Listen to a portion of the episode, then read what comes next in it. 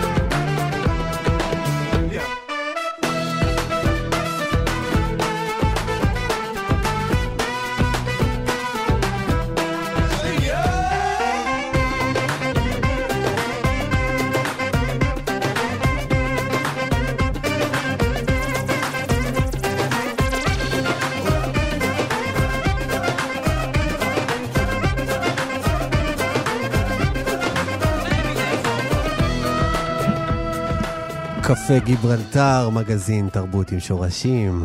אני אופיר טובול ואתם על כאן תרבות, 104.9 וגם בפלטפורמת הפודקאסטים, ההסכתים של כאן. עורך התוכנית הוא ניר גורלי, המפיק אבי שמאי, אלעד זוהר וגיא פלוויאן, טכנאי השידור. אור בן אסולי אחראי על הצילום שבקרוב יהיה כאן. והיום אנחנו נדבר עם נריה כנפו, שהוא נין של רבי יצחק אבוחצירא, המכונה בבא חכי, הוא האח, היה האח של בבא סאלי. דיברנו בעבר עם נריה על אה, דמותו של אה, סבא רבא, שהיה אה, דמות מאוד מרכזית גם בציונות הדתית וגם בהנהגה של יהודי מרוקו בישראל בשנות ה-50 וה-60. דיברנו על, על דמותו בעבר, והיום אנחנו נדבר על ערב הילולה שנריה כנפו מארגן לכבודו בשבוע הבא. אנחנו נשמע כאן היום אה, באולפן אה, גם בכמה ביצועים חיים מאוד מיוחדים של אחד האומנים שתפסו לי את האוזן בתקופה האחרונה, יאיר הררי. הוא הוציא לאחרונה שיר מאוד מעניין, יעלה יעלה, פיוט של רבי ישראל נג'רה, פיוט העתיק, הוא הוסיף לו מילים חדשות בעברית עם עיבוד ישראלי עדכני. אה, תפס לי את האוזן, אנחנו עוד מעט אה, נשמע את אה, יאיר הררי כאן איתנו באולפן, אבל כבר איתנו ב... על הקו נמצא הרב אבינדב אבוקרט. שלום הרב. שלום וברכה. מה שלומך? בסדר גמור, תודה רבה, שלומכם. אתה אה, מנהיג את, אה, את הקהילה אה, ושמה, תזכיר לי את שמה? אבני החושן. אבני החושן, אה, שנמצאת בגבעת שמואל, נכון? בגבעת שמואל, נכון. והעלית פוסט אה, שככה תפס לי את העין על, אה, על רבי ישראל איגר, רבי עקיבא איגר, סליחה. עקיבא, כן. רבי עקיבא איגר, שהיה באמת מגדולי הדור של המאה ה-18-19 בפולין, ו, ובתקופתו גם כן הייתה התמודדות עם מגפה רצינית. אה, מגפת חולרה, והוא ככה נתן אה, סריה של תקנות אה, לקהילה שלו באיך להתמודד, וזה מעלה באמת את השאלה של מה תפקידם של ההנהגה הרוחנית, של ההנהגה הרבנית, ההלכתית, בהתמודדות עם משבר כזה, ורציתי ככה לדבר איתך בתור רב קהילה, מה בדיוק עושים? יש כנסת לתפעל, יש קהילה שזקוקה לכם. איך, איך בעצם החיים משתנים עם המצב החדש? כן, מה שהיה בתקופתו זה שלא היו, לא היה משרד הבריאות ולא היה הנחיות מסודרות, אז כל קהילה בעצם התנהלה באופן עצמאי. אז הוא פרסם תקנות שקשורות גם לדברים של בריאות, מה לאכול, מה לא לאכול, גם דברים שקשורים אה, להנהגה ציבורית. אה, הוא קיבל על זה מכתב הוקרה מהקיסר. אה, בימינו כמובן שזה שונה, יש הוראות כלליות של משרד הבריאות. אה, התפקיד אה, בקהילות הוא ליישם את זה. כלומר, אה, כל משפחה יש לה את ההנהגות שלה, את ההתנהלות של אה, בני הבית, אבל בסוף בסוף יש, יש התנהלות קהילתית, אנשים שמתכנסים למקום אחד, בבית כנסת אחד ביום חול, ביום שבת, וצריכים אה, לדעת מה לעשות, איך לעשות, אם לעשות. אה, הקהילה גם זה מקום שנותן כוח.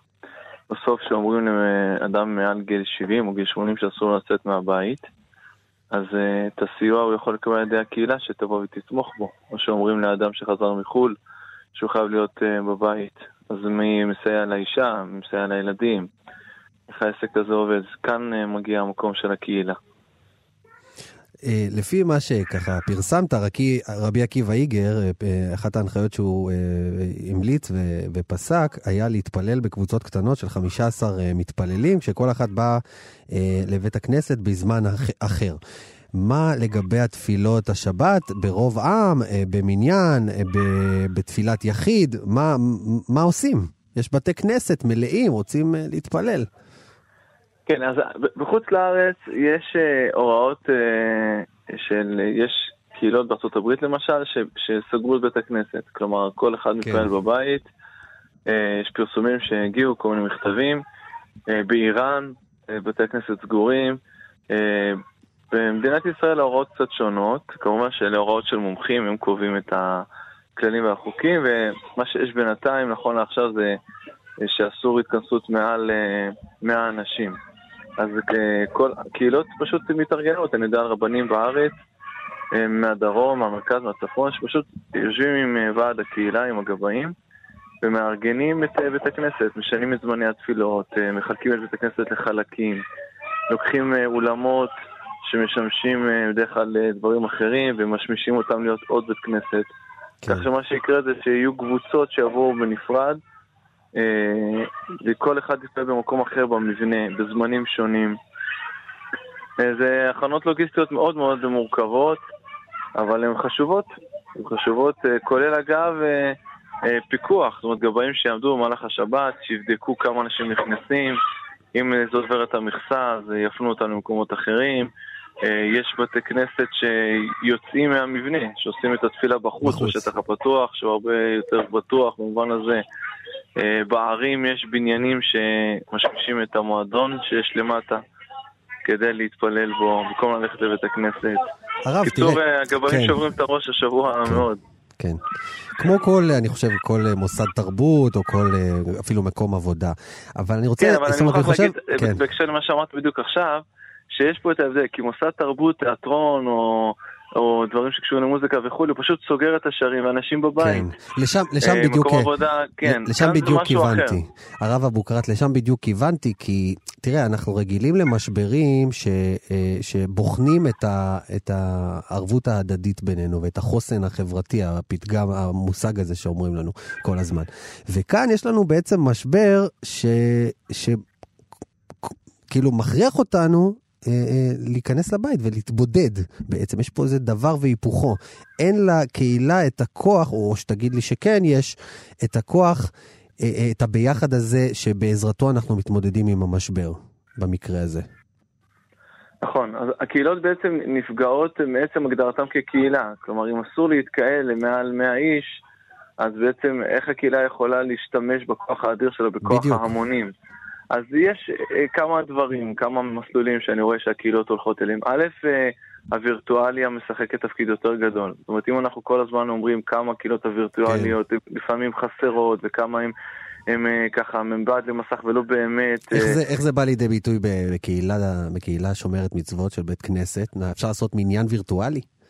תראה, יש, הפוסקים בני זמננו דנים הרבה, היה הרבה דיונים על קריאת מגילה, איך עושים את הדברים האלה דרך שידורים חיים. טלפון וכולי. אבל אפילו בעולם של גמילות חסדים, ברגע שמקימים קבוצות יהודיות, מנהלים רשימות uh, שיתופיות של אנשים שנמצאים עכשיו בבידוד, ומה הם צריכים, ומי הולך לעשות להם קניות בסופר, ומי הולך כן. להוציא את הילדים לבית ספר וכולי, זה מקום שהכוח שה, האנושי, הלב, בסוף פועל באמצעים האלה. והקהילה שואלת את עצמה איך אנחנו נשארים קהילה גם כשאנחנו לא באמת נפגשים. אה, יש שמחות קהילתיות שצריך לבחון איך עושים אותם, אה, יש אירועים קהילתיים ש... שלא מתקיימים, זאת אומרת, אין ספק שהקהילה פה עומדת במבחן, והחוסן שלה אה, מול סימן שאלה לא פשוט. אגב, לא פשוט במובן שאנחנו גם לא יודעים מתי זה ייגמר. לחלוטין. תגיד, הרב, מה, מה מתרחש בימים אלו ברשתות שלכם, רבני הקהילות? כי אתם בעצם פרוסים אה, בכל שכונה ושכונה בערך בארץ. מה, מה, מה הדברים שעולים ככה? מה, מה הדברים שהכי מטרידים את, ה, את, את הרבנים? אני אגיד על שתי נקודות. א', צריך לדעת שלרבנים יש אה, קשרים מאוד מאוד טובים יש uh, קבוצות וואטסאפ מאוד מאוד גדולות, יש איגודי רבנים שפועלים גם בצורה הווירטואלית, יש uh, קבוצות מייל מאוד מאוד מפותחות. זאת אומרת, צריך לדעת שהרבנים אומנם לפעמים פוגשים את הרב רק בצורה פשוטה של דרשנות עם ספר, אבל צריך לדעת כן. שרבנים קשורים עם חוטים uh, בלתי נראים בארץ ובעולם. נגיד שתי נקודות שעלו מאוד בקבוצות האלה ובדיונים האלה בשבועות האחרונים. שאלה ראשונה, היחס בין ה... בין הצורך לשמור על התקנות ובין אה, לשדר פאניקה. כלומר, אם רב עכשיו מוציא איזו הוראה מאוד מחמירה, מאוד אבסולוטית, אה, אז מצד אחד הוא מאוד שומר על עצמו ומאוד אה, מגונן, מצד שני הוא מחדיר היסטריה, מחדיר פאניקה. אם, איך עושים את זה כדי, בלי, בלי לשדר היסטריה, בלי למוטט את החוסן הפנימי? איך, איך שומרים מצד אחד על התקנות, ומצד שני שומרים על האווירה הטובה. למשל, המלצה של משרד הבריאות שלא ללחוץ ידיים. אז איך, איך אומרים שבת שלום, איך, איך אה, מברכים בעלי שמחה. רבנים מתמודדים עם השאלות האלה, כי מצד כן. אחד הם רוצים לשדר את החום הקבוע, דווקא בשעות הקשות האלה, מצד שני, איך הם שומעים על התקנות זו שאלה ראשונה. שאלה שנייה, צריך לדעת שיש המון המון המון שאלות פרטיות ש, שלא נידונו. זאת אומרת שרבנים צריכים פתאום לתת להם מענה, והם לא היו רגילים אה, לתת להם מענה. כמו שהזכרת, רבי עקיבא איגר היה בתקופה של אה, חולריה, חולרה ו... ומגפות שחורות וכולי. אבל איך מנהלים אה, מקווה? איך עורכים לוויה? איך אה, מנהלים אה, מערכת של ניחום אבלים? כל הדברים הפרטיים האלה, האישיים האלה, זה שאלות שרבנים לא, לא, לא, לא עסקו בהם, ושאלות פרט. זאת אומרת, בסוף בן אדם אם ללכת למקום עבודה או לא, אז יש איזו הוראה של מקום עבודה. אבל אדם שמתקשר ואומר, חזרתי מחוץ לארץ, קברתי את uh, אחד מהוריי ואני יושב שבעה לבד בתוך חדר, אז עכשיו עולה השאלה איך, איך האיש הזה מנהל שבעה, איך מנחמים אותו, איך, איך, איך מעניקים לו את הסעד הרוחני שכל כך uh, רגיל לקבל בדרך כלל, ועכשיו פתאום זאת מציאות uh, חדשה שלא לא היינו רגילים אליה. אתה יודע, הרב כן. אבינדב, הרבה פעמים אנחנו שומעים... Uh... רבנים, במיוחד הדברים שמגיעים בדרך כלל לתקשורת אה, מצד, אה, מצד רבנים בימים האלה, זה כל מיני ניסיונות, אה, הייתי אומר אולי מיסטיים, לתת הסבר למה, אה, למה זה הגיע עכשיו הדבר הזה. כן, היו כל מיני הסברים, אני לא רוצה אפילו אה, אה, לחזור אליהם. היה גם רב אחד שאמר, אם תתרמו לקופה הזאת והזאת, תהיו מוגנים. כן? אז אני לא, אני לא חושב שזה, שזה הסגנון ש, ש, שאתה גם רוצה אה, לקדם, אבל אני שואל את עצמי, מה אנחנו בכל זאת יכולים, מבחינה אולי חברתית, או רוחנית, או, או תרבותית, ללמוד מה, אה, מה, מהדבר הזה שנחת עלינו עד לפני כמה חודשים, אה, בכלל לא, לא שמענו את המילה קורונה, זה היה שם של בירה. אה, מה אנחנו יכולים ללמוד? אני הייתי אומר, הייתי מציע, בזכות, כן, במרכאות, בזכות הקורונה אנחנו לומדים, נזכרים כמה הקשרים בינינו הם חשובים, כמה הביחד הזה הוא, אי אפשר, אי אפשר לחיות בלעדיו, פשוט אי אפשר. זה נכון, אני מוכרח להגיד לך שאנחנו אה, לפעמים מוצאים את עצמנו כל כך טרודים בדברים היישומיים, שאנחנו לא, לא תמיד שואלים את עצמנו, רגע, מה קורה מעבר, אבל אני אה, מוכרח לראות במסרים שאני שומע זה שאנחנו פתאום מגלים כמה אנחנו שבריריים. כלומר, אנחנו מאוד התקדמנו ומאוד התפתחנו ומאוד, ופתאום אנחנו קוראים תשובה של רבי עקיבא איגר לפני 200 שנה. שמדבר על היגיינה ועל אה, התקהלות, ואז אנחנו אומרים, רגע, כל האנושות הזאת בסוף אלו בני אדם, שאיזה וירוס קטן, שלא כל כך ידוע איך מטפלים בו ומאיפה הוא מגיע, ואנחנו חוזרים לדברים ששכחנו מהם. זה מגלה כמה אנחנו שברירים, כמה אדם לבד מצד אחד יכול לחולל נזק בלתי רגיל. אנחנו לפעמים קוראים את התיאורים על אדם שהוא היה, שהוא נדבק והוא מסתובב בכל כך הרבה מקומות וכל כך הרבה אנשים נפגעים. זה, זה מצד אחד ככה. מצד שני, אדם פתאום יושב לבד בבית וכמה שברירים. אני יכול להגיד לך שהחברה הישראלית, כל העולם כולו בזעזוע, בטלטלה. אבל אם נסתכל שנייה על החצר הקטנה שלנו, החברה הישראלית, שכל כך עסוקה בשנה האחרונה בכל מיני מאבקי כוחות של כמה לך יש וכמה לי יש, והולכת פעם אחרי פעם אחרי פעם כדי לראות למי יש יותר אה, כוח גדול וכולי, צריכה פתאום רגע לעצור, לשאול את עצמה, רגע, אם בסוף בסוף כולנו בני אדם אנושיים, זמניים, ארעיים, אנחנו עומדים מול כוחות אה, אה, טבע, אבל שאנחנו מאמינים שהם מונהגים ביד אלוקית, ו- ואנחנו מתגלים בצורה הכי שברירית שלנו. כמה זה מחייב אותנו, לשאול את עצמנו מה באמת חשוב. אה, בסוף, בסוף הפרט כן, הזקנה במסדרון בבית החולים, אה, או האנשים האלה בסוף הם, הם אה, ניצבים בקדמת הבמה. ועליהם אנחנו צריכים לחשוב, אותם אנחנו צריכים לשים על הדברים, ואולי זה ינער גם את, את, את ההנהגה הפוליטית וההנהגה הכללית.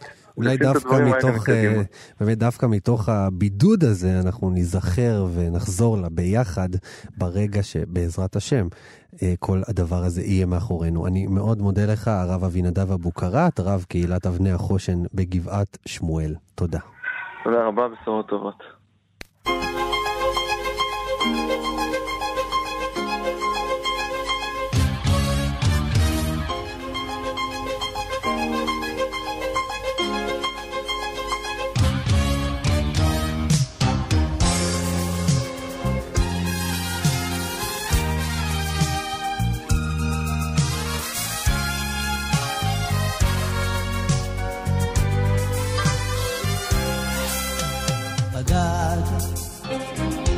במשעול אל העין.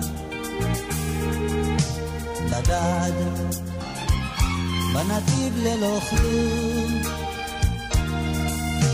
בדד, עם הזמן הבורח, והזמן לא שוכח, להציב את הגבול. בדד, מכף יד מלטפת. בדד ולא שכם ידיד.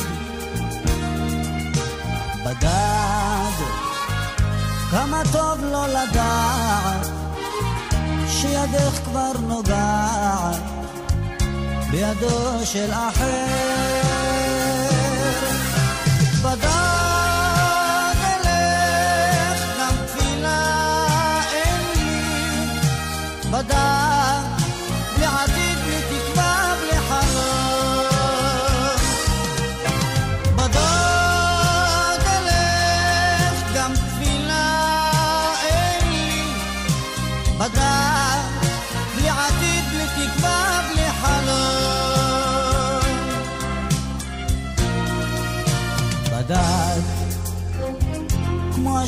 השמש אין דודה. בדד, במדבר הלוהט. בדד, גם דמעות הן רק הבל, שיר מזמור אין לה סבל, שיר מזמור של אילים.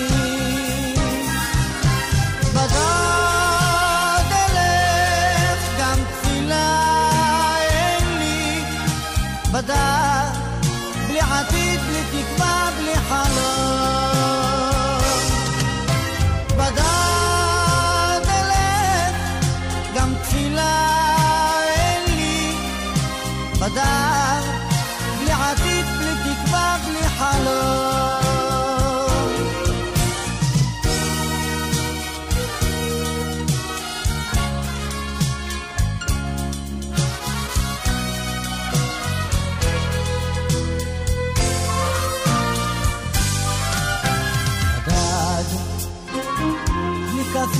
מלטפת בדד ללא שכם ידיד.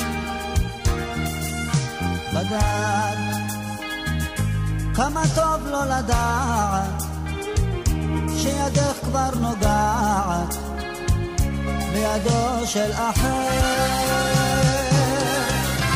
בדד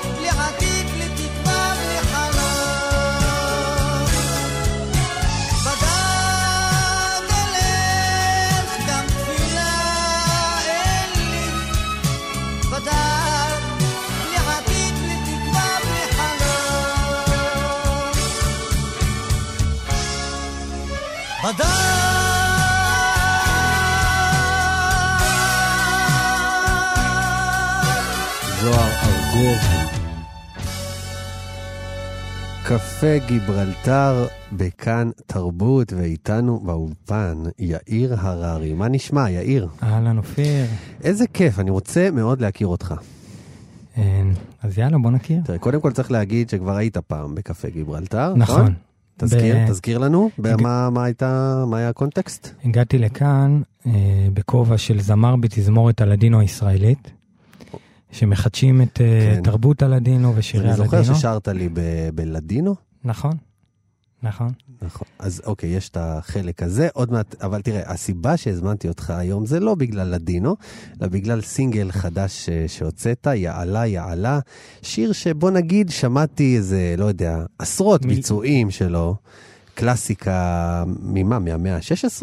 כן, משהו ממש ממש עתיק. מהמאה ה-16. כן, אחד מגדולי הפייטנים, אבל אתה לקחת את השיר ו- וגרמת, אתה יודע, באמת, בשונה מכל הביצועים הקלאסיים, המסורתיים של השיר, הכנסת לו גם איזה אה, אה, חלק מהעולם שלך, נכון. ו- ויצרת פה איזה משהו חדש. ספר לנו קצת על ה... קודם כל, על מאיפה החוצפה, מה שנקרא.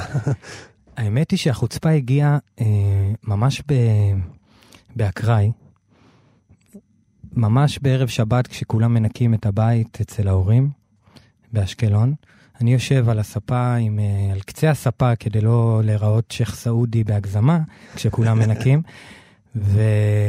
ואני מנגן בגיטרה ושורק לי.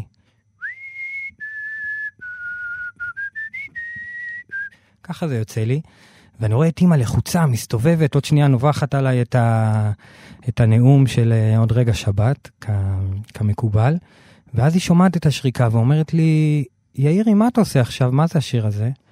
אמרתי לה, זה מנג... שריקה שאני עושה עכשיו. היא אומרת לי, תקליט, תקליט את זה. אמא אה, יודעת. אמא יודעת, ולא היה זמן כאילו לחבר מילים עכשיו, אז שלחתי יד לספרייה, ושם היה זמירון של שבת. לקחתי אותו, פתחתי, יצא בפיוט יאללה, וואו. שרתי יאללה, עם, ה, עם הפיוט, וכתבתי לזה מילים. טוב, אני, אז בוא, בואו נשמע, בואו נשמע את זה, והבאת איתך היום את... יואב בן דוד, יואב בן דוד. שהולך איתי דרך אה, מכובדת ו- שבא עם ויפה. גיטרה אקוסטית, לשמח את, אה, את הלב שלנו, שהוא קצת אה, מלנכולי אה. בגלל הימים האלה, צריך להודות. ואחר כך, אחרי שתבצעו את יעלה יעלה, אני רוצה, אני רוצה להבין איך הגענו לפה, כאילו, כל מה שהוביל אותך לדבר הזה. אז יאללה.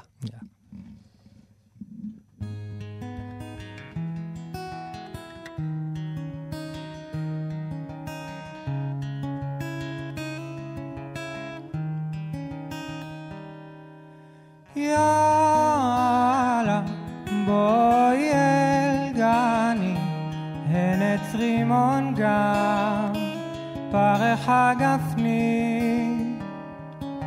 יאללה, בואי אל גני, הן עץ רימון גם, פרח הגפני. וזה בכלל לא משנה עם מי. החיוך שלך פועם מהדם הטוב שבליבי. והראש שלי שמפוצץ חלל סלעים וקור. אומרים שבסוף גם הלילה יאור. יאללה, בואי אל גני, הן עץ רימון גם, פרח הגפני.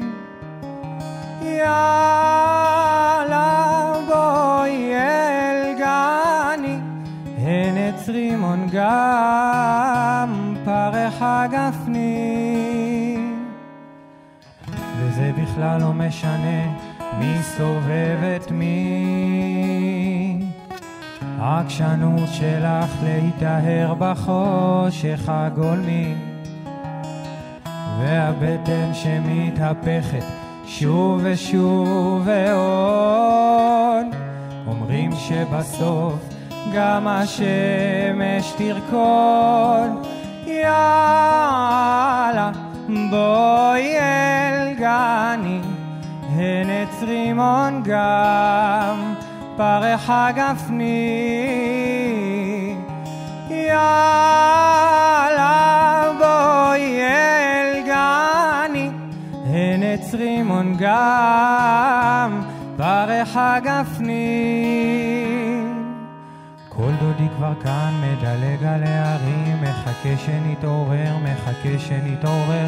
כל דודי כבר כאן, מדלג על הערים, מחכה שנתעורר, שנתעורר. כל דודי כבר כאן, מדלג על הערים, מחכה שנתעורר, מחכה. כל דודי כבר כאן, מדלג על הערים, מחכה שנתעורר ונרקום.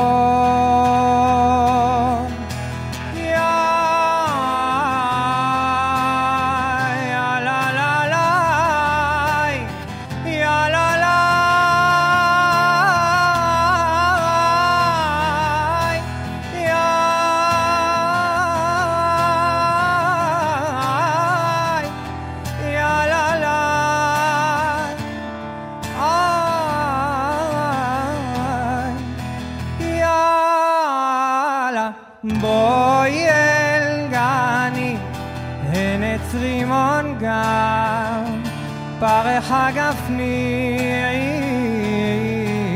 יאללה, בואי אל גני, הנץ רימון גם, פרח גפני.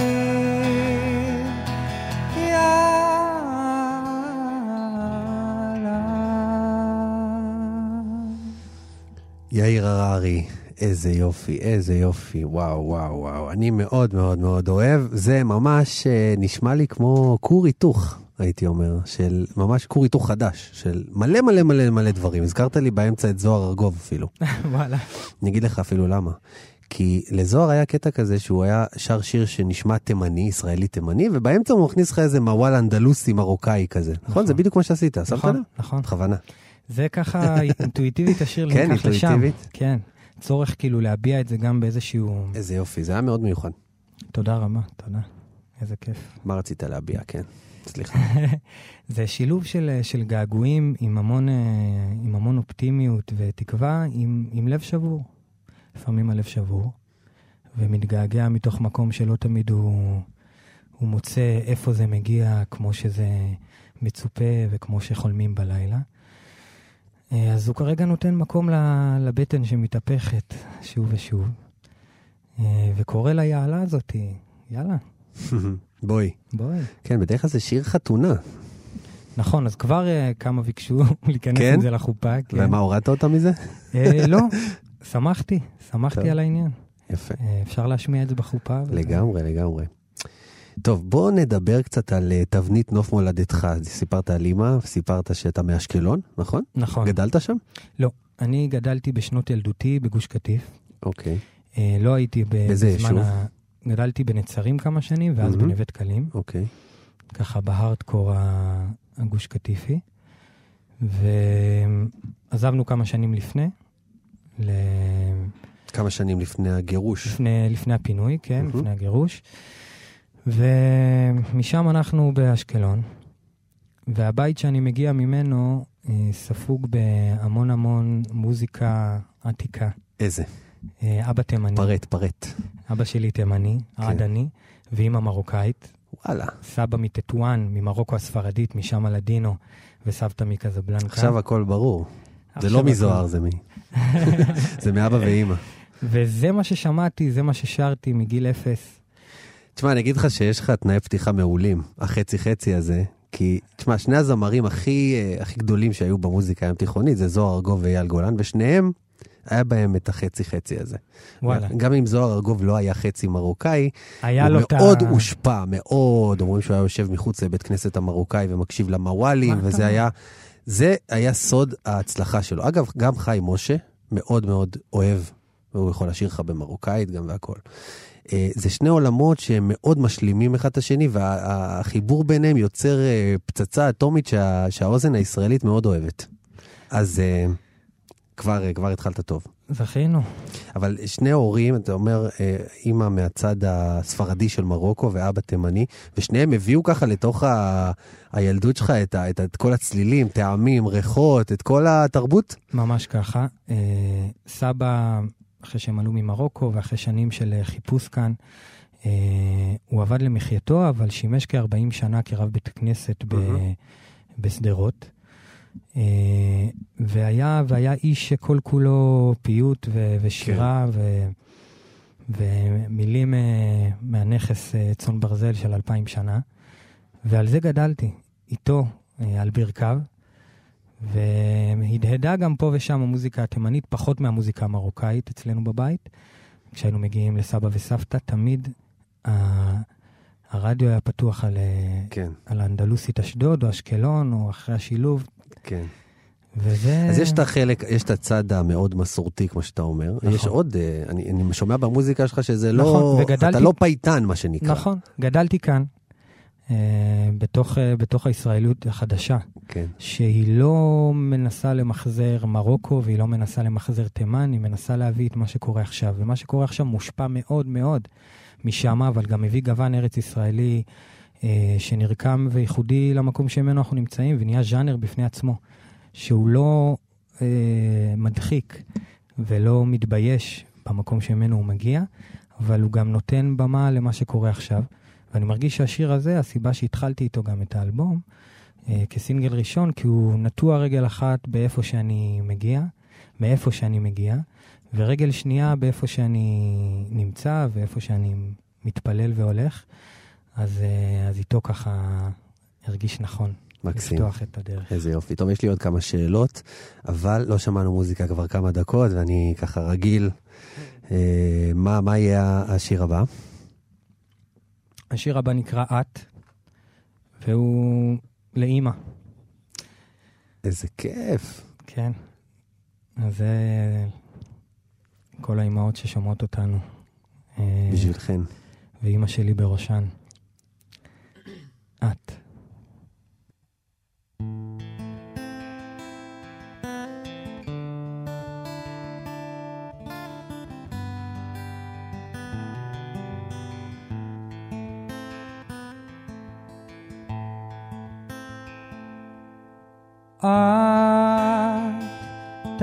תכלית המחילה הסליחה והמים. את עומקה של הקשבה, געגוע שמיים. מרעידת בי את שריר האהבה, מצעיקה את השקט. מלמדת פצע איך להתרפא, אמונה בשלכת. את יודעת לחבק את הפחדים, לעטוף אותם בלילה.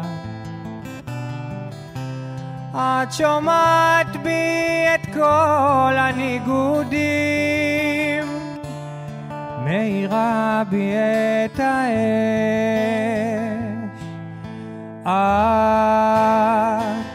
תכלית המחילה, הסליחה והמים. את עומקה של הקשבה, געגוע שמיים. את יודעת לחבק את הפחדים, לעטוף אותם בלילה. את שומעת בי את כל הניגודים, מאירה בי את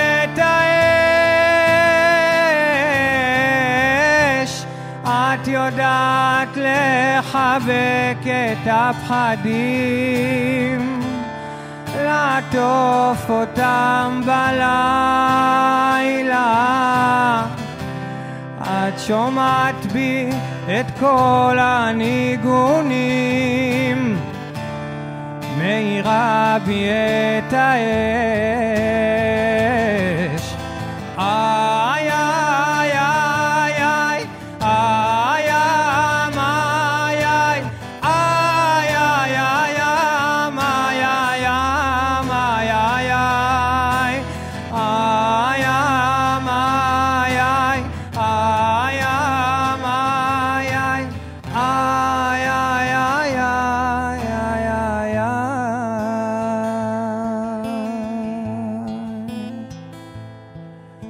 את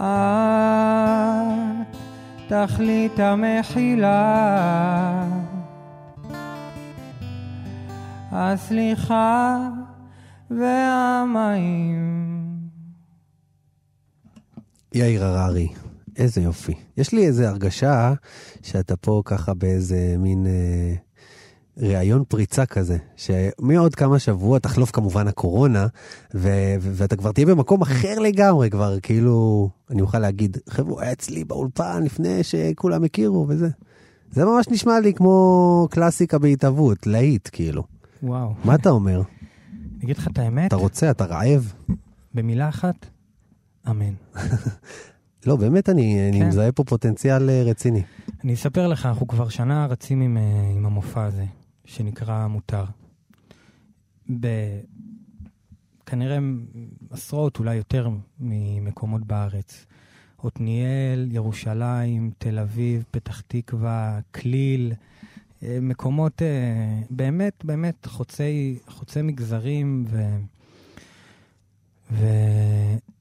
ואני מאוד שמח שהתבשלנו עם הדבר הזה ועברנו עם זה תהליך מאוד מאוד מעניין ומאוד... אה, ומפגשים, כן, החומרים נבדקו. כן. שינית את השירים אחרי המפגש עם הקהל? זה מעניין אותי לדעת. הקהל מאוד השפיע על השירים, כן? מאוד. יש שירים שאמרת, טוב, פה צריך להוסיף עוד איזה בית, פה צריך... ברמה של שינוי כן. לחן אפילו. וואלה. השיר מעניין. שהוא שיר, השיר של האלבום שנקרא מותר, אה, שעל שמו האלבום, אה, הוא בעצם, אה, הוא בעצם שיר שהלחן שלו היה אחר, ושיניתי בעקבות אה, ההופעה בראש העין, שישבו מולי חבר'ה בעלי בתים תימנים, ו- והם איבדו אותי בשיר הזה, והלכתי בלילה. טוב, זה סיפור לשיר אחר שלא יושר היום. זה מעולה, דווקא. אבל אה, הלכתי בלילה, עצוב אה, וכואב על זה ש... שהם החבר'ה- התעסקו בטלפון תוך כדי? כן, אחרי זה לקח לי שיר שניים להחזיר אותם אליי. וואלה. ובאמצע הלילה קמתי מזיע כשהלחן של השיר הזה מתנגן לי בראש, משהו שלקוח לגמרי מהלכוני רננה של הבית כנסת בערב שבת בערך, זה יופי. וכן, זה מאוד מאוד משפיע. טוב, בוא נחזור לסיפור שהוביל אותך לכאן. דיברנו על גוש קטיף, אשקלון, רקע תימני ומרוקאי, משהו שהוא כאילו גם פופ ישראלי. אתה גם בוגר אה, של עולם הישיבות, נכון, אה, של הד- הציוני דתי, נכון? נכון. זכיתי לגדול בציבור הציוני-דתי. אה, מאז עברתי כברת דרך אישית בתוך המקום הזה, מהמם. הזה סביב אה, החיפוש האישי כן, שלי. איך היית מגדיר את עצמך היום? מסורתי. אהבתי. אבל אתה יודע, מסורתי, כשאתה אומר לאנשים שהם מרקע דתי את המילה מסורתי, מישהו אמר לי את זה, זה עיתונאי בכיר אמר לי, זה, אתה משנמך אותי, ככה הוא קרא לזה. כאילו מסורתי זה דתי, אבל לא, זהו, אז, אז הנטייה לא שלנו... סגור לגמרי. הנטייה שלנו היא לחשוב שבמקום שבו יש אה, הכלה, אה, אין אה, פשן ואין להט. כן. במקום שבו יש מקום לגוונים, אז חסר את השפיץ. אבל האמת היא שזה לא נכון, ורואים את זה במוזיקה. כשמוזיקה מעניין. מחברת ומאחדת ומכילה בתוכה ונותנת מקום לרגשות שונים ולאנשים שונים, יש בה להט אפילו אה, גבוה יותר. מעניין מאוד, וואלה. אחלה, אחלה כיוון. והיום אתה גר בתל אביב. והיום אני גר בתל אתה אביב. מסורתי, אנחנו, אני ואתה, שני המסורתיים, אה, לא היחידים, אבל... עכשיו, מה זה מסורתי בעצם? שחיים בתל אביב, לא פשוט. אתה גם גר פה בתל אביב. כן. כן. אז מסורתי זה בעצם הצהרה, אם צריך להצהיר משהו, וזה אחד הדברים ה... שעושים הכי הרבה כאב בטן, שאיכשהו צריך uh, להצהיר, אבל uh, אם צריך להצהיר, אז זה אומר, יש לי אה, המון המון המון כבוד ו, ו, אה, ודם ב, ב, בעורקים שזורם מתוך המסורת שעליה גדלתי. וכל מה שאני עושה, אני חייב המון לבאר הזו. אה, וגם זה אומר שאני חי לתוך מציאות שגם מלמדת אותי עליי דברים חדשים וסוללת לי דרך חדשה, ואני לא... אה, אני משתדל לתת לזה להיות מה שזה. וזה, וזה מבחינתי מסורתי. זה, זה עומק, אה, זה יופי. זה להיות איך, עמוק איך אתה. מרגיש, איך אתה מרגיש באמת אה, עם הזהות הזאת בתל אביב? תל אביב שהפכה באמת להיות עיר מאוד חילונית. אתה יודע, כל דבר כאן זה הדתה וזה, וכאילו, למצוא כאן מסעדה כשרה זה גם נהיה כבר אתגר. ובקיצור, איך אתה חי עם זה? אני אוהב את ה... אתה אוהב את הניגודיות הזאת? אני אוהב את המוזיקה בתל אביב. כן. אני חושב ששם אנחנו, שם אנחנו פחות, פחות עסוקים במתח הזה, ויותר נותנים לדברים לחלחל בעומק, ואז להצמיח אה, עציצים אה, ו, ושושנים יפות שמגיעות מה, מהשכונה, ממש מהשכונה. איזה יופי. איזה כיף לשמוע שגם בתוך, ה, ה, בתוך התל אביב, שאתה יודע, נתפסת מהמקומות שבאנו, כאיזה מקום שהוא רחוק, כאילו, נכון. מדינה אחרת, מדינת תל אביב, שגם בה ב- בסוף, בסוף, בסוף, גם בה אנחנו יכולים למצוא את המקום שלנו. כמו שאנחנו יכולים להסתדר גם ב... קח אותי עכשיו למאה שערים לשבת, נסתדר. לגמרי, וגם יש משהו בתל אביב שהוא חדש לי. כן. והוא מוסיף לי. אני, אני חושב שכאחד שמגיע מה, מהעומק הפריפריה, אה, להיות, אה, לבוא לתל אביב עם אה, חזה מתוח וחיוך, ולתת לה ולהסכים לה גם לתת לי מהטוב שלה, זה, זה רק, איזה כיף. רק רווח. טוב, אז חברים, יאיר הררי איתנו באולפן, והוא הולך לבצע את השיר השלישי באירוח הזה, והאחרון לבינתיים, והשיר נקרא כמה כמה. כמה כמה. צמד המילים הכי ספורטיבי בעברית, כן. זה כמה כמה. בימים האלו לפעמים זה נלקח למתח של מי יותר חזק ולמי יש יותר גדול. עכשיו תראה, מאזינים לנו הרבה מאוד אנשים שנמצאים עכשיו בבית בבידוד, אין להם מה לעשות, הם לא... אה, תפעיל אותם, תן להם... אוקיי, אוקיי. אז השיר הזה באמת יש לו הוק חוזר, בצמד המילים כמה כמה. ניקח חתיכה קטנה מהש, מהשורה הראשונה של השיר כדי להבין, וכל מי שבבית, וגם אתה, אופיר, אין אתה בכיף. רשאי להיבטל ממנה, בכיף. נשיר ביחד. זה הולך ככה. כמה דברים אתה מפספס, כמה כמה, כמה לילות אתה מחספס, כמה כמה. כמה ימים בעצם ישן, כמה פרחים אתה מעשן, כמה שלום עובר לידך, כמה כמה, דיברת יפה לאשתך, כמה כמה, שמעת סיפור עם כל הפרטים, נתת למישהו תקווה להגשים, כמה פחדים אתה מכסה, כמה כמה, כמה בנות אתה מנסה, כמה כמה, כמה תווים בשביל לרגש, כמה אהבה אתה דורש, מה תהיה אחרי שתהיה? מה שחלמת להיות, מה תהיה אחרי שתהיה.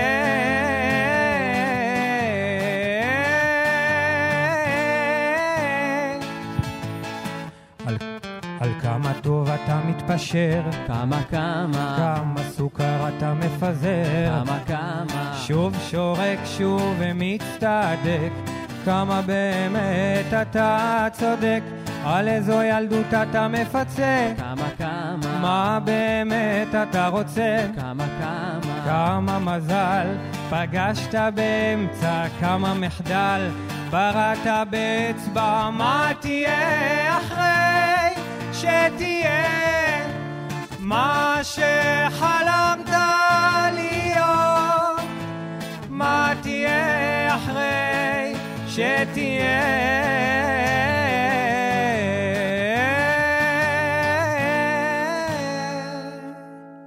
נשמת היום בכוונה, היית טוב גם עם עצמך, כמה כמה עצרת לראות את מה שכאן, מצאת תודה בתוך הבלגן, כמה ראית מה שכן, כמה כמה, חייכת ליוסי השכן, כמה כמה, הארת את הלב למי שהוא עצוב, עשית אהבה לא רק עם הגוף, מה תהיה אחרי שתהיה? מה שחלמת להיות, מה תהיה אחרי שתהיה.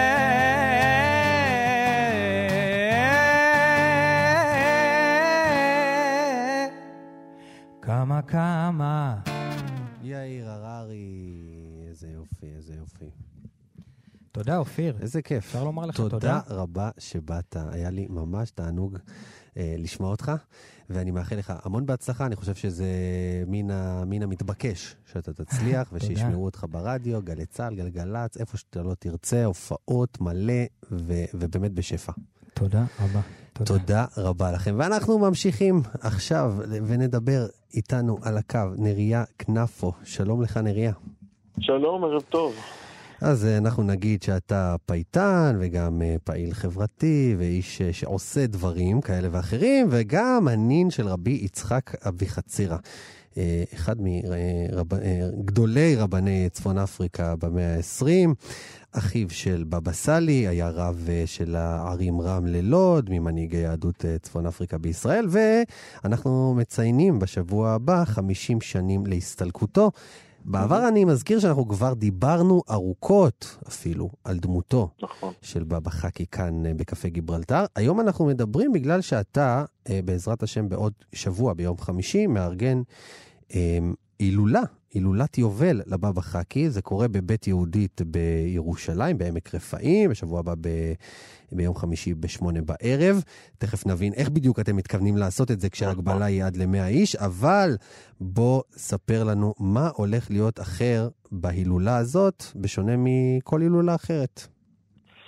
טוב, אז אני, אני מתכוונתי להתחיל בחלק הטכני דווקא, אולי נתחיל בלספר שמה שהולך להיות אחר מהילולות אחרות, שההילולה הזאת תהיה בעיקר בעיקר וירטואלית. כלומר, ישתתפו בה 100 אנשים אה, שנרשמו מראש כדי להיות אה, נוכחים בהילולה עצמה, על פי ההגבלות של משרד הבריאות, אבל שאר השותפים מישראל ומהעולם מוזמנים להצטרף אלינו בשידור חי, אה, שזה כבר, אני חושב, פעם ראשונה שעושים בהילולה, שזה יועבר בשידור חי. הילולייב.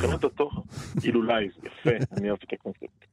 אבל אם ניכנס רגע לתוכן, אז גם בתוכן אני חושב שזו הילולה ייחודית מאוד, כיוון שהיא מבקשת אה, לספר את הסיפור אה, לעומק ולגעת בנקודות באופן אה, יותר, בתוכן של הדברים, בצורה יותר, יותר עמוקה, אני מאמין. אה, זה להוסיף על ההילולות הקיימות, שמתקיימות היום, שאנחנו מאוד uh, מעריכים ומכבדים אותן. בעצם בהילולה הזאת אנחנו נבקש לגעת בכמה נקודות. אחד, זה שיופיעו בהילולה אנסמבל הפיוט שעל יד מכון בן צבי, כן. שזה אנסמבל שמומחה למוזיקת uh, יהודי האטלס, וספציפית המוזיקה של משפחת אבוחצירא. כן, יגל יעקב. על ידי המשפחה, נכון, יגל יעקב. אה, ואנחנו בין הפיוטים שיופיעו איתם אנסמבל, הרכב של אה, 13 נגנים וזמרים, ובניצוחו של יאיר הראל, אז אנחנו נדבר על המשמעות של הפיוטים, על הסיפור שעומד מאחורה, על הרעיונות שם, ש, שביקשו לעצב אה, רבני משפחת אבוחצירא, הדרך החינוכית שלהם דרך הפיוטים. הדבר השני שנעשה, שאני חושב שהוא באמת ייחודי מאוד מאוד להילולות, זה בעצם להסביר רגע על מה זה הילולה. כלומר, ההילולה הזאת פונה לציבור הישראלי הרחב, שלא בהכרח מכיר את מסורת ההילולה, כן. ומבקשת להנגיש את המסורת. ואנחנו עושים את זה השנה בעזרתו של ארגון כיח, כל ישראל חברים אליאנס, שהצטרפו אלינו להפקה של, אה, של חוברת, אה, של, שבעצם מספרת את שערי ההילולה. היא בעצם פורטת על אה, כמה וכמה שערים שהם המסורת הייחודית שעושים ביום ההילולה, ביום פטירה של צדיק. זה מתחיל מזיארה, שזה עלייה לקבר, וזה ממשיך בלימוד תורה של הצדיק, וזה ממשיך בלימוד פיוטים, וזה ממשיך במצוות הסעודה, האוכל והשתייה החריפה, וזה ממשיך במצוות הצדקה, והברכה שמחלקים לציבור, ועוד ועוד נקודות חשובות מאוד שקורות בהילולה, ואנחנו בעצם אה, נביא את המקורות הקדומים והמקורות העכשוויים לאיך הילולה נראית. אני מבין ממך, נריה? שאתם מארגנים בעצם הילולה שלא מיועדת לקהל שוחרי ההילולות בדרך כלל. כלומר, בד... פותחים את אה, מסורת ההילולות לציבור הרחב, לציבור הכללי, לאו דווקא לציבור הדתי או אפילו המסורתי אה, באופן כללי, אבל בואו נחזור רגע אחורה. אני שמעתי Mhm. את השם בבא חכי. אה, כילד מאבא שלי, שאנחנו גם קשורים איכשהו למשפחת אבוחצירא, גם מגיעים מאותו אזור ממרוקו, וידעתי על זה שהוא אח של בבא סאלי ושהוא צדיק. לא ידעתי יותר מזה ולא פחות מזה, אבל אנחנו, כש, כשגדלתי ובגרתי ככה, אה, הבנתי שמדובר כאן בדמות אה, אה, לא שגרתית, בוא נגיד, בנוף, אה, בנוף של הצדיקים, נכון? לגמרי לא שגרתית. לגמרי לא שגרתית. הוא היה שונה מאוד מבני המשפחה שלו אה, באופן שבו הוא התנהל בציבוריות הישראלית, וגם עוד קודם לכן בציבוריות במרוקו, בעיר, בערים שבהם הוא גדל, במחוז תפילת, ואחר כך באורן שבאלג'יר. ואני אספר על זה ממש בקצרה. הסיפור בעצם זה חוויית ילדות מאוד אה, משמעותית שהוא חווה. כשהוא בעצם מסרב לברך, מסרב לברך תינוק חולה, בטענה שהוא צעיר מדי, הוא היה אז ילד, והוא לא יודע לעשות את זה, והתינוק הזה הולך לעולמו, ובלילה הוא חולם את צער שלו, רבי יעקב, שנוזף בו על זה שהוא לא בירך, כן. ומצווה עליו אה, לא לחכות שיבואו אליו לברכה, אלא ללכת ולחפש מי צריך את הברכה שלו. וככה הוא בעצם יוצא לרגע מהשרשרת המשפחתית של האנשים אה, סגפנים שלומדים תורה בדלת אמותיהם ונותנים ברכות למי שמבקש, והופך להיות דמות ציבורית, הוא מחפש את מי שזקוק לברכה, מחפש את מי שזקוק לעצה, והוא מקים בתי ספר בכל רחבי ארץ ישראל, בתי ספר ממלכתיים דתיים ביחד עם רשויות מקומיות, והוא שותף פוליטי בתנועת הפועל המזרחי של אז. כלומר בציונות מעורב. הדתית. אנחנו מדברים על, היה, על נכון. רב מרכזי ביהדות מרוקו, שהוא גם אחד ממנהיגי הציונות הדתית. איך הוא התקבל שם? לגמרי. תראה, מהסיפורים שאנחנו רואים מאז ומהתמונות ומהעיתונות, אנחנו רואים שהוא התקבל באופן אה, חסר תקדים, אה, באהבה מאוד מאוד גדולה. אה, זאת הייתה תקופה של... אה, אה, שהייתה מורכבת כנראה בהקשר הזה, הייתה לו חשיבות מאוד גדולה בעיני הממסד, הוא היה קשור מאוד גם לדוד בן גוריון ואחר כך גם למנחם בגין, אמנם הוא לא זכה לראות אותו כראש ממשלה, אלא כמנהיג אופוזיציה, אבל הוא היה קשור אליהם מאוד כי הוא סייע בהרגעת הרוחות בכל מיני טלטלות שחוו היהודים שעלו ממרוקו, כמו כן. לדוגמה אירועי ואדי סאליב. הוא היה זה שעזר להרגיע את הרוחות ולהשכין שלום בין הצדדים. הוא נסע אז לחיפה כדי להרגיע, ואחר כך אה, היה חבר בוועדת החקירה המיוחדת של, אה, של הממשלה. וזה בעצם, זה חלק מהסיפור, חלק מהדמות שבעצם אה, הייחודית שהייתה לו. אדם ש, שכל הזמן חיפש איפה, איפה אפשר אה, כן. לתת עוד, אה, עוד דחיפה, איפה אפשר לסייע בעוד עניין, ואני אגיד שגם ככה הוא הלך לעולמו בעצם, בתוך הסיפור, בתוך, ה, בתוך העשייה. הוא, הוא, לא, הוא לא נפטר בשיבה טובה, אמנם הוא היה אדם יחסית מבוגר, אבל לא נפטר בשיבה טובה, אלא נהרג בתאונת דרכים, לצערנו תאונת דרכים קשה, כשהוא נסע לנתיבות אה, להשכין שלום בין בני זוג, כשהוא שמע שהם נמצאים במחלוקת בריב, וכשהוא חזר משם מנתיבות אחרי שהוא השכין שלום, אה, מכונית פגעה בו, משאית פגעה במכונית שלו והוא נהרג במקום. בעצם כל החיים שלו, מאז שהוא היה ילד והוא חלם את החלום הזה ועד יום מותו, הוא היה עסוק בלחפש איפה זקוקים לעזרה שלו. מדהים. אתה יודע, אני מכיר את התמונה המפורסמת שלו, אה, אה, לבוש בלבוש אה, אה, של רב מסורתי ואוחז בידו מעדר. אה, מאיפה התמונה הזאת? זו תמונה באמת אה, יוצאת דופן. נכון, אז סיפר לי דודי, הבן שלו, אהרון אבוחצירא, סיפר לי שזה בעצם תמונה מאירוע נטיעות שעשו בט"ו בשבט באזור לוד, בעיר שבה הוא בעצם היה רב העיר של לוד ורמלה, וזו הייתה תקופה שבאמת אה, קק"ל היו עסוקים מאוד מאוד מאוד בנטיית עצים וחיבור של הציבור לאדמה. אה, מעבר לזה שיש חורשה על שמו, הוא היה, הוא, הארץ ישראל הייתה מאוד מאוד חשובה לו, הרגבים של, של הארץ כן. מאוד חשובים לו. גם אה, חורשה שנטועה על שמו ביער בן שמן וגם עצים שהוא נטע לאורך השנים אה, וגם יישובים שהוא היה שותף בהקמה שלהם. בעצם זו באמת תמונה שמספרת את הסיפור שלו. האדם הזה שעם הבגדים המהודרים שלו החזיק את המהדר. אמנם זו תמונה ש... שהוא צולמה כשהוא מכהן כבר כרב ראשי. אבל אחד הסיפורים המדהימים עליו זה כשהוא עלה לארץ והיה במעברה בגבעת אולגה, אז uh, ביקשו מהאנשים שהגיעו למעברה מיד uh, להירשם לעבודות בפרדס, והוא בלי ספק, בלי לחשוב בכלל, נרשם ועלה על המשאית. והתלמידים שלו פשוט לא? הסכימו, הם לא כן. הסכימו לחשוב שהרב יצטרך לעבוד לידם בפרדס, וממש התעקשו ורבו איתו כדי שהוא לא יעשה את זה. באמת זמן קצר מאוד אחרי שהוא עלה לארץ, אה, כשגילו הרבנים שהוא נמצא בארץ, מינו אותו להיות הרב הראשי של רמלה זה היה ממש אה, כמה חודשים אחרי שהוא עלה.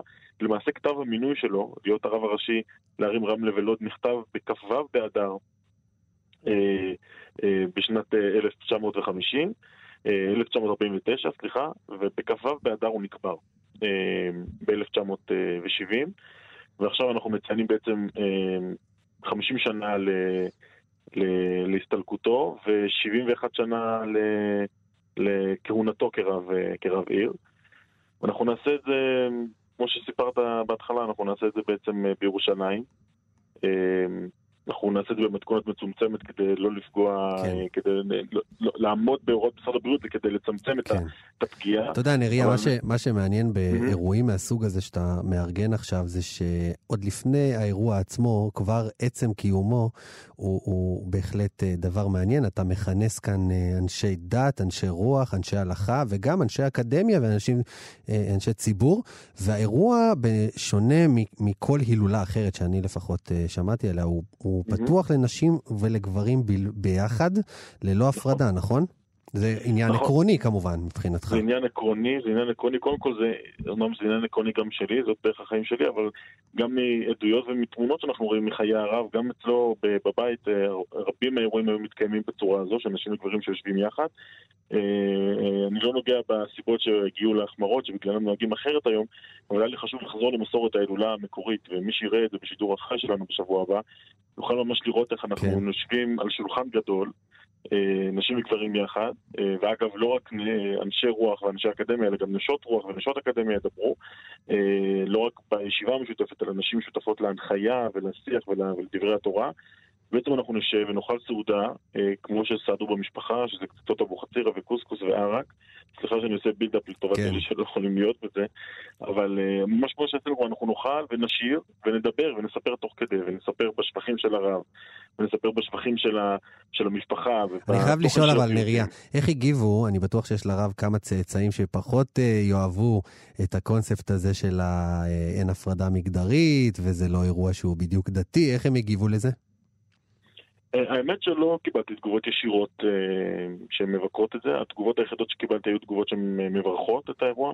חלק מבני המשפחה מגיעים, חלק מרגישים שלא בנוח כי זה לא דרך החיים שלהם ואני כן. מכבד את זה.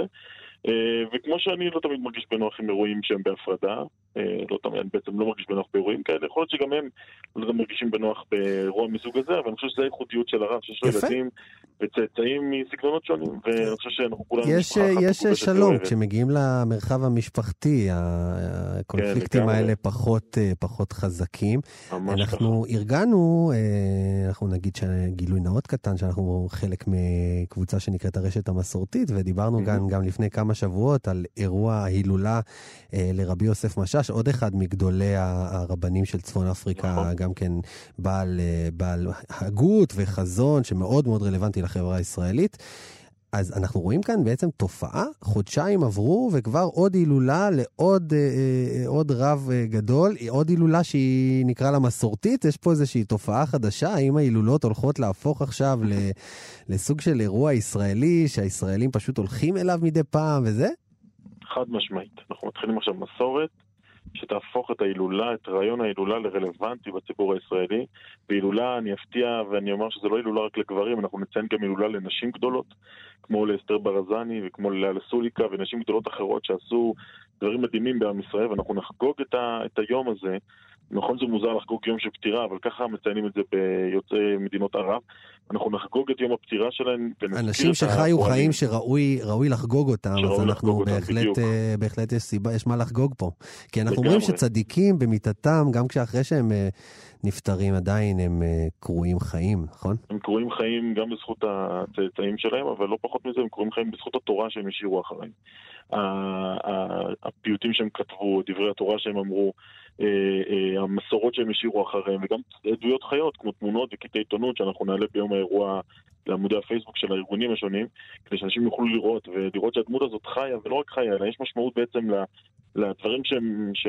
לדברים שאמרו אז, אה, בעצם יש משמעות אקטואלית לא פחות, גם לחיים שלנו. ואם אה, תרשה לי להקריא אה, פסקה קצרה. יש לך איזה בעצם, 20 אה, שניות. אז 20 שניות. אז. בעצם אה, אה, משפט שאמר אה, רבי יצחק אבוחצירא, הבבא חגי, באירוע, אה, אה, באירוע אה, של ארגון הפועל המזרחי, הוא דיבר על צורך באחדות אחרי בחירות. תראה כמה זה רלוונטי. והוא אומר, עם ישראל צריך לשאוף לאחדות גמורה. לכן במעמד זה אני פונה לכל המפלגות בבקשה לחיסול האפליה בין הגזעים. שלא יהיה לנו יותר אשכנזי, ספרדי או תימני. כולנו שייכים לעם ישראל ויושבים בארץ ישראל. אה, ואני חושב שהמסר הזה ממשיך להדהד גם 50 שנה אחרי לגמרי הפטירה שלו. רלוונטי ביותר, ואם זה המסר שיצא מההילולה שלכם, אז אשריכם, ונקווה שלא יהיו הגבלות עוד יותר מחמירות. ובכל מקרה, אני אומר, גם אם יהיו, תעשו את ההילולה, ההילולייב. אה, נריה כנפו, תודה רבה לך. תודה לך, אופיר. והגענו לסוף השעה, תודה לכל מי שעבד על התוכנית, לאלעד זוהר וגיא פלוויאן, לניר גורלי, לאבי שמאי, אור בן אסולי.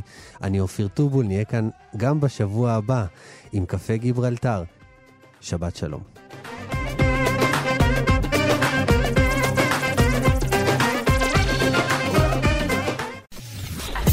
אתם מאזינים לכאן הסכתים. כאן הסכתים.